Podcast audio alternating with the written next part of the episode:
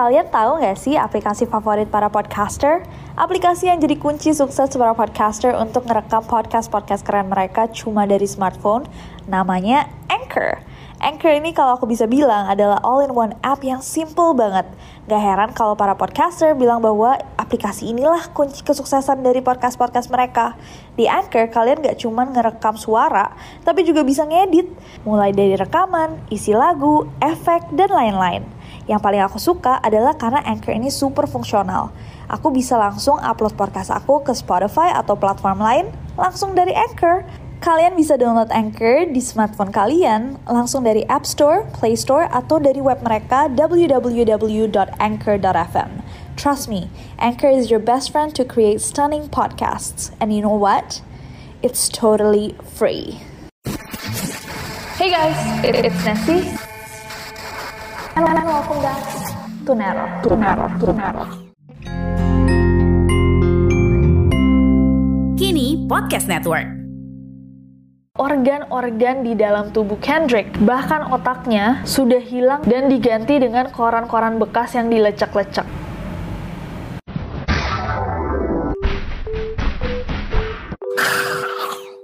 It's Nessie and welcome back to Neror. And yes, topik Neror malam ini adalah satu kasus yang cukup menyeramkan. Malam ini di Neror kita akan membahas satu kasus kematian yang sempat sangat-sangat besar di Amerika Serikat. Ini adalah kasus tentang seorang siswa SMA bernama Kendrick Johnson yang ditemukan sudah tidak bernyawa tergulung di dalam karpet fitness sekolahnya. Kasus ini menjadi sangat besar dan membuat banyak sekali orang marah karena polisi menetapkan kasus ini sebagai kasus kecelakaan yang tidak disengaja dan bukan pembunuhan.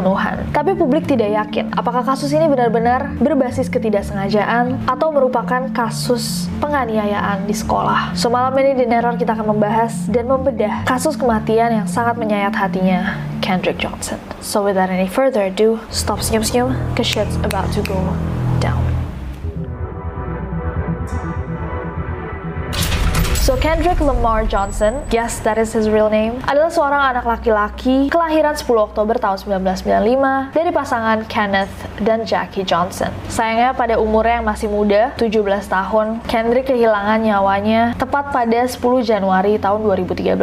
Sehari setelahnya, pada 11 Januari tahun 2013, tubuhnya Kendrick ditemukan tergulung di dalam sebuah karpet fitness atau karpet gym di SMA Lounge di Valdosta, Georgia, Amerika Serikat. Tapi nggak sampai di situ. Selain ditemukan tergulung di dalam karpet gym, yang membuat kasus ini sangat mencengangkan adalah posisinya Kendrick saat ditemukan itu sangat-sangat mencurigakan. Dan itu kita akan bahas lebih detail dalam kronologi.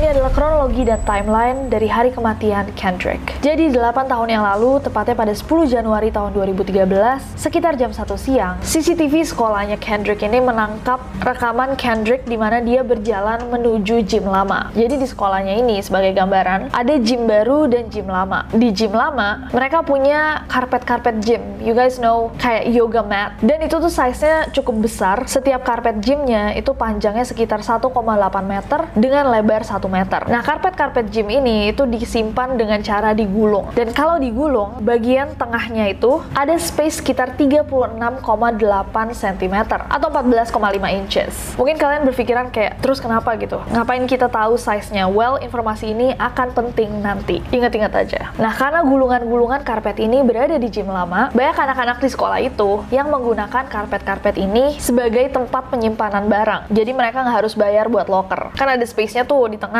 Jadi masukin tuh barang-barangnya di situ. Jadi mereka nggak harus bayar lokernya sekolah. Termasuk Kendrick. Dia sama temannya tuh salah satu dari anak-anak yang menggunakan karpet-karpet itu untuk mengganti loker. Nah, mereka menggunakan karpet itu untuk menyimpan sepatu yang mereka share bersama. Kembali lagi ke timelinenya. Yes, pada sekitar jam 1 siang, pada 10 Januari tahun 2013, CCTV tuh nunjukin Kendrick yang lagi jalan ke arah gym lama. Meskipun demikian, banyak orang yang merasa bahwa CCTV ini has been tampered antara diedit, diberantakin, dipercepat, diperlambat karena ada beberapa bagian-bagian dari CCTV-nya yang menghilang. Nah, di video CCTV itu terlihat tidak ada orang lain yang mengikuti atau berjalan bersama Kendrick sampai 3 menit kemudian. Nah, kalau kalian perhatikan CCTV-nya, di mana Kendrick sedang berjalan menuju gym lama, ada anak-anak lain yang juga terekam di dalam video itu. Anehnya, pas Kendrick jalan menuju gym lama, tiba-tiba ada orang-orang yang berbeda dari yang bagian CCTV sebelumnya. Jadi kayak kelihatannya kayak, oh ini kayaknya diedit gitu.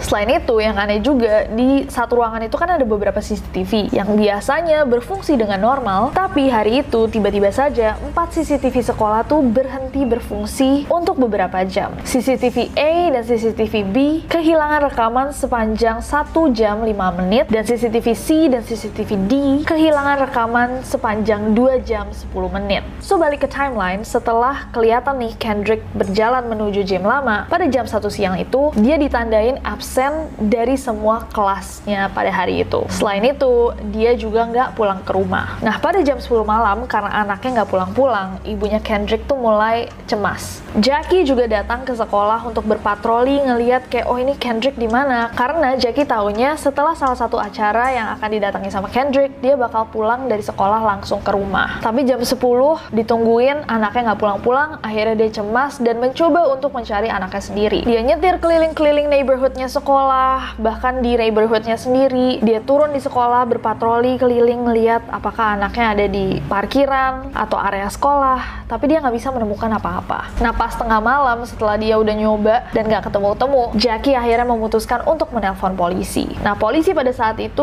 nggak langsung menganggap kasus ini serius. Mereka malah bilang, oh mungkin Kendrick lagi pacaran kali atau hangout sama teman-temannya, kayak remaja pada umumnya. Tapi ibunya Kendrick tuh tetap cemas karena dia tahu anaknya lah. Pasti dibanding sama polisi, dia lebih tahu Kendrick daripada sang polisi. Tapi karena nggak ketemu-ketemu juga, akhirnya Jackie memutuskan untuk pulang malam itu dan keesokan paginya dia datang ke sekolah. Pada saat Jackie tiba di sekolah, dia langsung ngomong sama resepsionis bahwa anaknya ini menghilang, nggak pulang-pulang. Mendengar kabar dari Jackie, sekolah langsung mencetak flyers untuk disebarkan untuk mencari Kendrick. Nah akhirnya Jackie langsung mencoba untuk menyebarkan flyers itu untuk menemukan anaknya. Jadi pada jam 10.30 ada sekelompok anak-anak sekolah yang datang ke gym lama dan duduk-duduk deket karpet-karpet yang digulung. Nah pas lagi duduk-duduk itu, tiba-tiba salah satu anak itu sadar bahwa loh kok ada kaos kaki yang muncul dari salah satu karpet yang digulung. Padahal posisi karpetnya adalah vertikal, jadi kayak berdiri itu karpet tapi di atasnya ada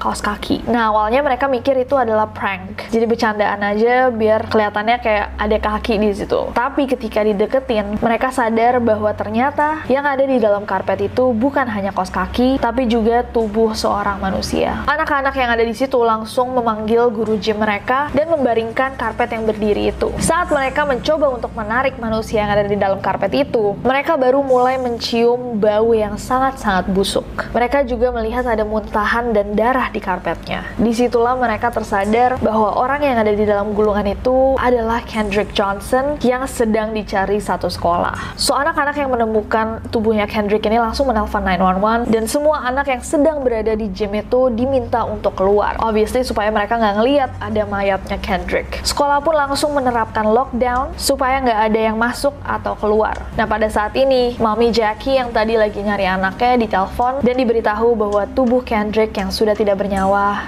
ditemukan tergulung di dalam gym. Sekarang kita masuk ke proses investigasi. Jadi polisi Lons itu langsung memulai investigasi sejak ditemukannya tubuhnya Kendrick. Anak-anak yang di gym yang menemukan tubuhnya Kendrick itu langsung diinterview dan ternyata jawaban mereka semua tuh sama, gak ada sama sekali yang mencurigakan. Jadi benar-benar mereka cuma di situ dan kebetulan banget menemukan tubuhnya Kendrick. Ada beberapa barang yang ditemukan di dekat di mana Kendrick ditemukan, seperti buku physical science, sweater abu-abu, dan dua pasang sepatu. Satu pasang ada di dalam karpet bersama tubuhnya Kendrick dekat betisnya dan yang satu pasang lagi itu kepisah. Satu ada di luar karpet dan yang satu ada di dekat kepalanya Kendrick dan yang satu ini tuh berlumuran darah. Selain itu juga ditemukan darah yang tapi setelah diinvestigasi ternyata bukan darahnya Kendrick dan juga ada tisu berlumuran darah yang ditemukan di kamar mandi. Tapi sekali lagi ketika dicek DNA-nya nggak cocok sama DNA Kendrick. Katanya darah yang itu adalah darah murid lain yang terluka pada hari itu juga. Nah anehnya, 6 jam setelah polisi pertama datang, baru tuh Kendrick dinyatakan meninggal oleh coroner. Kenapa harus nunggu 6 jam? Padahal ketika ditemukan sudah jelas bahwa Kendrick ini sudah tidak bernyawa. Pada malam itu juga, kematian Kendrick ini dinyatakan sebagai ketidaksengajaan dan bukan foul play. Jadi basically dibilang dia ini tidak dibunuh, matinya ketidaksengajaan. Nah, pihak berwajib menjelaskannya adalah Kendrick ini tidak sengaja ketika mencoba mengambil sepatunya, terjatuh masuk ke dalam karpet dan nggak bisa keluar lagi. Dia masuk kebalik, darah turun semua ke kepalanya, dan dia terjebak di dalam posisi itu, di dalam karpet fitness yang sangat tight, sangat sempit dan ketat, sampai dia kehabisan napas dan meninggal. Nah, keluarganya Kendrick sama sekali tidak percaya oleh teori yang diberikan oleh polisi, dan yakin bahwa ada foul play, bahwa ada oknum-oknum jahat yang mengakhiri hidupnya Kendrick. Nah, karena mereka nggak percaya, akhirnya keluarga Johnson memutuskan untuk menyewa private investigator detektif pribadi Floyd Rose. Setelah menyewa private investigator, keluarga Johnson ini tambah yakin bahwa keputusan polisi itu salah dan sama sekali tidak masuk akal. Karena dari investigasinya Floyd Royce, mereka menemukan bahwa satu, tidak ada kemungkinan bahwa Kendrick itu bisa jatuh ke dalam tikar atau karpet gym tadi yang diameter tengahnya itu lebih kecil dari lebarnya pundaknya Kendrick. Tadi aku sempat singgung di awal diameter dari karpet yang digulung itu tengahnya adalah 36,8 cm, sedangkan lebar pundaknya Kendrick itu 48 cm. Beda sekitar 10 atau 12 cm. Ayahnya Kendrick bahkan mencoba sendiri nih untuk masuk tidak sengaja terjatuh ke dalam karpet fitness itu, tapi hanya muat sampai kepalanya saja. Also, kalau misalkan Kendrick ini tidak sengaja emang masuk ke dalam karpet fitness itu untuk mengambil sepatunya, harusnya tangannya dia kan berada di depannya dong, di atasnya gitu. Jadi posisinya di bawah karpetnya, bukan terhimpit di samping tubuhnya. Tiga, kakinya yang keluar, mumbul keluar itu, mestinya sudah terlihat sama orang yang berlalu lalang, bahkan sebelum dia meninggal. Apa Apalagi dia terjebak di dalam posisi itu sebelum akhirnya ditemukan selama 21 jam. Empat, kalau dia benar-benar terjatuh, nggak sengaja masuk ke dalam karpet fitness itu, pastinya Kendrick akan berteriak, minta tolong. Dan dari rekaman CCTV-nya sekolah, setelah Kendrick masuk ke gym lama, banyak tuh anak-anak yang datang juga ke gym lama. Jadi kalau misalkan Kendrick nggak sengaja, trapped, atau terjebak di dalam karpet fitness itu, mestinya dia teriak dan anak-anak yang lain bisa tahu bahwa dia terhimpit di dalam situ. Lima, cukup janggal kenapa polisi menunggu 6 jam setelah Kendrick ditemukan untuk akhirnya menelpon coroner untuk menetapkan bahwa Kendrick meninggal. 6. Ayahnya Kendrick pada saat itu, pada saat Kendrick meninggal, itu sedang ada di Pennsylvania. Namun ketika kakeknya Kendrick meminta untuk melihat tubuh Kendrick, polisi tidak memperbolehkannya. Eh hey guys, aku mau sedikit sharing sih seputar aplikasi keren yang aku gunain buat bikin podcast ini. Aplikasi ini tuh bisa di-download di App Store atau di Play Store, and it's totally free. Gak cuma buat ngerekam aja, Anchor juga bisa buat ngedit langsung rekaman kalian. Kita bisa langsung nambahin back sound, effects, tambah lagu, bahkan Anchor juga bisa mendistribusikan podcast kita ke berbagai platform lainnya. Kayak aku nih, biasanya aku langsung upload podcast aku ke Spotify langsung dari Anchor. Jadi di mana pun aku berada, aku bisa buat podcast aku kapan pun dan di mana pun aku mau. Karena dia super gampang, aku jadi suka banget nih sama Anchor ini. Daripada kalian kepo, mendingan kalian langsung coba aja buat podcast sendiri pakai Anchor. It's super simple and free. Ini sebenarnya menyalahi peraturan di Georgia, di mana ditulis bahwa jasa seseorang harus dirilis atau dikembalikan ke keluarganya setelah 24 jam jika memang tidak ada foul play. 7. Ketika ayahnya Kendrick balik ke Georgia setelah ditelepon dibilangin bahwa anaknya meninggal, meninggal di dalam karpet fitness, dia pun tidak diizinkan untuk melihat mayat anaknya. Dia sempat nyinggung di press conference bahwa dia hanya mau melihat tubuh anaknya sebelum diotopsi. Tapi akhirnya permintaan itu baru dikabulkan di Valdosa Lounge Regional Crime Lab dan dia menjelaskan bahwa Kendrick waktu dia lihat itu terlihat kulitnya menghitam, bibirnya bengkak, banyak memar di tubuhnya, dan kukunya pendek-pendek. Padahal sepengetahuannya, Kendrick itu selalu membiarkan kukunya panjang. Ada cakaran di tangannya, ada perubahan warna yang sangat sangat aneh di mukanya dan banyak luka-luka di sekujur tubuhnya Kendrick.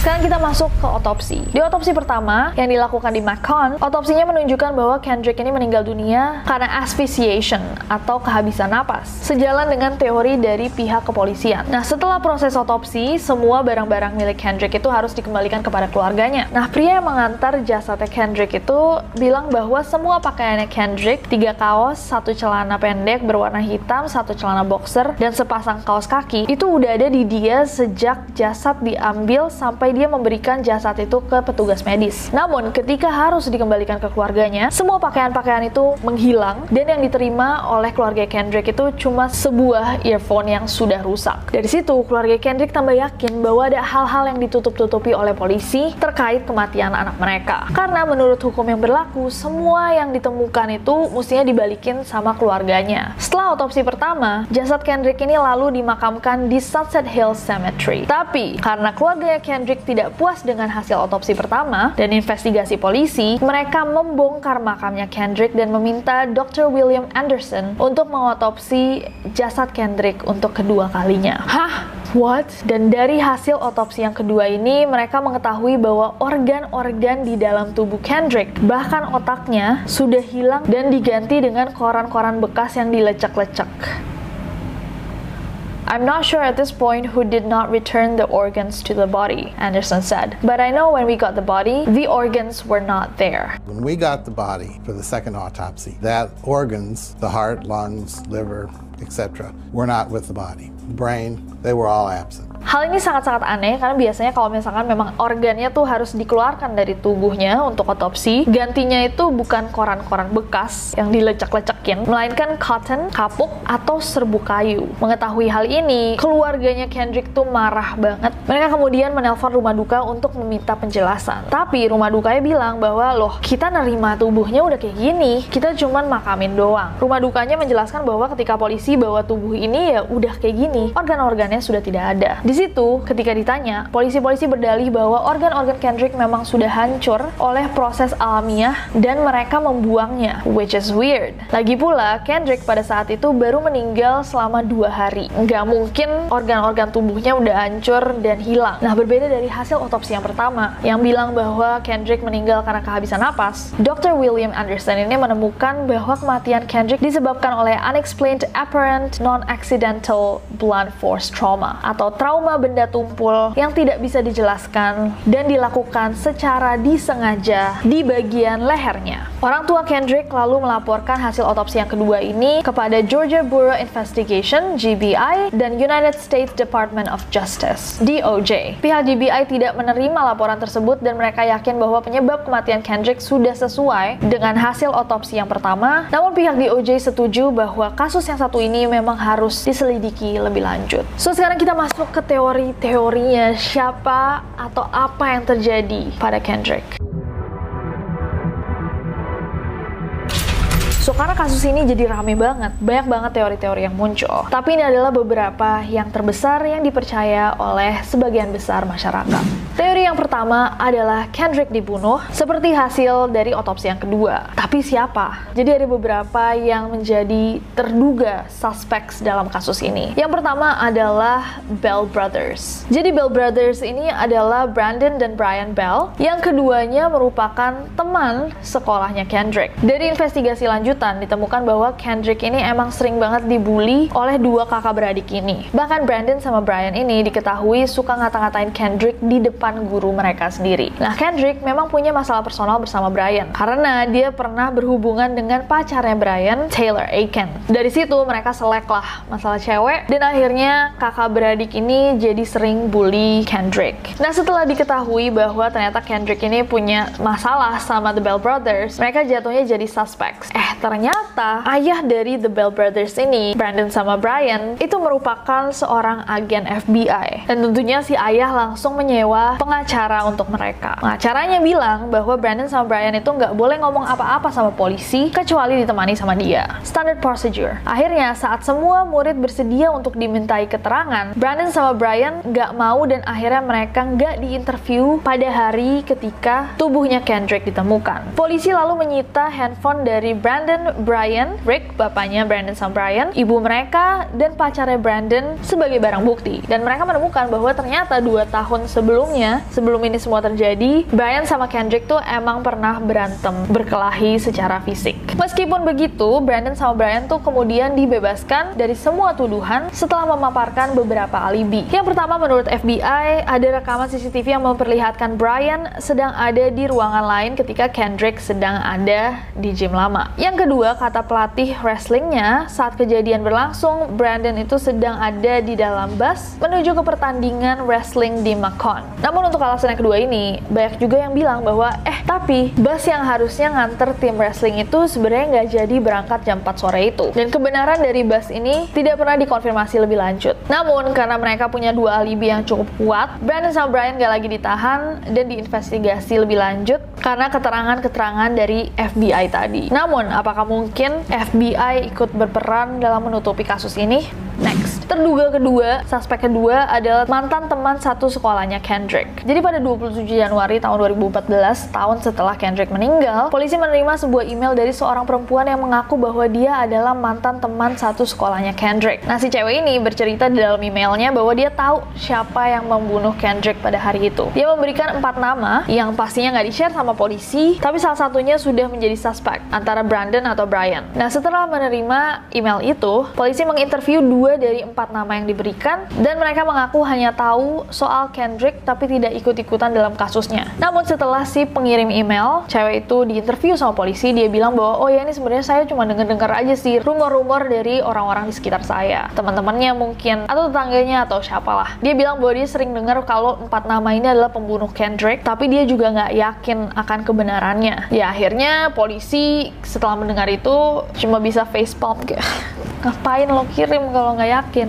akhirnya investigasi itu berhenti di situ. Karena kita nggak bisa cuma rumor guys. Nah moving on dari nama-nama terduga ada teori juga yang bilang bahwa mungkin saja Kendrick ini tidak sengaja terbunuh. Teori yang satu ini emang nggak terlalu kuat tapi ada beberapa orang yang membahas kasusnya Kendrick ini bilang bahwa sebenarnya Kendrick itu udah nggak musuhan sama Brandon sama Brian. Karena mereka udah beberapa kali kelihatan kayak main bareng. Nah kemungkinannya adalah mungkin Kendrick sedang bermain atau bercanda sama teman-temannya dan temennya mungkin salah satu ada yang nggak sengaja mukul dia terus dia jatuh dan pingsan. Teori yang satu ini juga sejalan sama hasil otopsi kedua yang menemukan blunt force trauma di lehernya. Dan mungkin aja si temen ini panik lalu menggulung tubuhnya Kendrick di dalam matras dan membuat seakan itu adalah kecelakaan. Selain itu seperti yang tadi kita bahas juga tubuhnya Kendrick tuh kan kayak tangannya nempel di samping tubuhnya. Jadi kemungkinan besar ada yang masukin dia ke dalam matras itu nggak sih? Kayak walaupun pembunuhannya di disengaja atau tidak disengaja, it's most likely bahwa dia itu dimasukin sama orang dan digulung. Mungkin aja dia benar-benar dibully, dipukulin, terus orangnya kayak, eh kok ini nggak bangun lagi ya? Kok tiba-tiba pendarahan? Kita gulung aja gitu, karena mereka panik.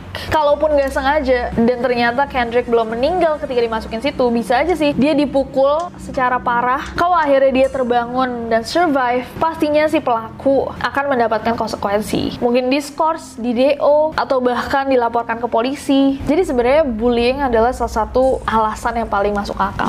Tapi teori ketiga itu sejalan sama teori yang diberikan polisi bahwa mungkin ini adalah murni kecelakaan. Teori yang satu ini itu diperkuat dengan percobaan yang dilakukan oleh akun YouTube Renews LT2. Di situ dia dan teman-temannya mencoba untuk melakukan eksperimen untuk berteriak di dalam karpet fitness dengan posisi seperti Kendrick dan ternyata memang karena tebelnya karpet itu tidak ada yang bisa mendengar suara teriakannya. Jadi mungkin saja Kendrick memang benar-benar bener-bener got trapped, kejebak, dan gak ada yang bisa dengar dia minta tolong. Tapi guys, sampai hari ini, bahkan setelah dilakukan otopsi ketiga pada 2018 lalu, pihak kepolisian masih menetapkan kasus ini sebagai kasus kecelakaan karena polisi bilang tidak ada cukup bukti untuk menunjukkan bahwa ada orang lain yang terlibat dalam kematiannya Kendrick. Di sisi lain, orang tuanya Kendrick masih bersikeras bahwa ada orang-orang atau oknum-oknum yang terlibat dan bersalah dalam kematian putranya. Mereka bahkan mengajukan gugatan senilai 100 juta dolar terhadap 38 terdakwa termasuk pemilik rumah duka, beberapa penegak hukum, pejabat kota, dan pihak sekolah. So sekarang aku mau dengar dari kalian. What do you think of this case? Apakah kalian setuju dengan polisi bahwa kasus yang satu ini adalah kematian yang tidak disengaja? Atau ada alasan-alasan yang membuat kalian percaya bahwa kematian Kendrick Johnson adalah kasus pembunuhan? Coba ceritain di bawah. Aku juga mau tahu pendapat kalian tentang orang-orang yang yakin sekali bahwa ini adalah bukti dari kasus bullying. Bahkan di Indonesia kita juga sering nih mendengar kasus-kasus yang sangat-sangat tragis as a result sebagai hasil dari bullying senioritas dan penganiayaan di sekolah atau universitas. Share pendapat kalian tentang matter ini atau tentang masalah ini and what can we do? Apa yang kita bisa lakukan untuk menghilangkan bullying dari sekolah-sekolah universitas-universitas kita. Dan terima kasih semuanya yang udah request kasusnya Kendrick Johnson sangat-sangat menarik, sangat-sangat menyayat hati, sangat-sangat tragis. Aku cuma bisa berdoa bahwa keluarganya diberikan ketenangan, hopefully in the form of justice. So terima kasih untuk semua yang udah request dan aku mau kalian untuk request lebih banyak lagi kasus-kasus yang lain yang mungkin menarik untuk kita bahas karena kita selalu bacain request dari kalian and it's very important to us. So thank you. I hope that you guys follow aku di Instagram dan Twitter gampang banget ngasih saja karena aku gak sabar buat ketemu kalian lagi.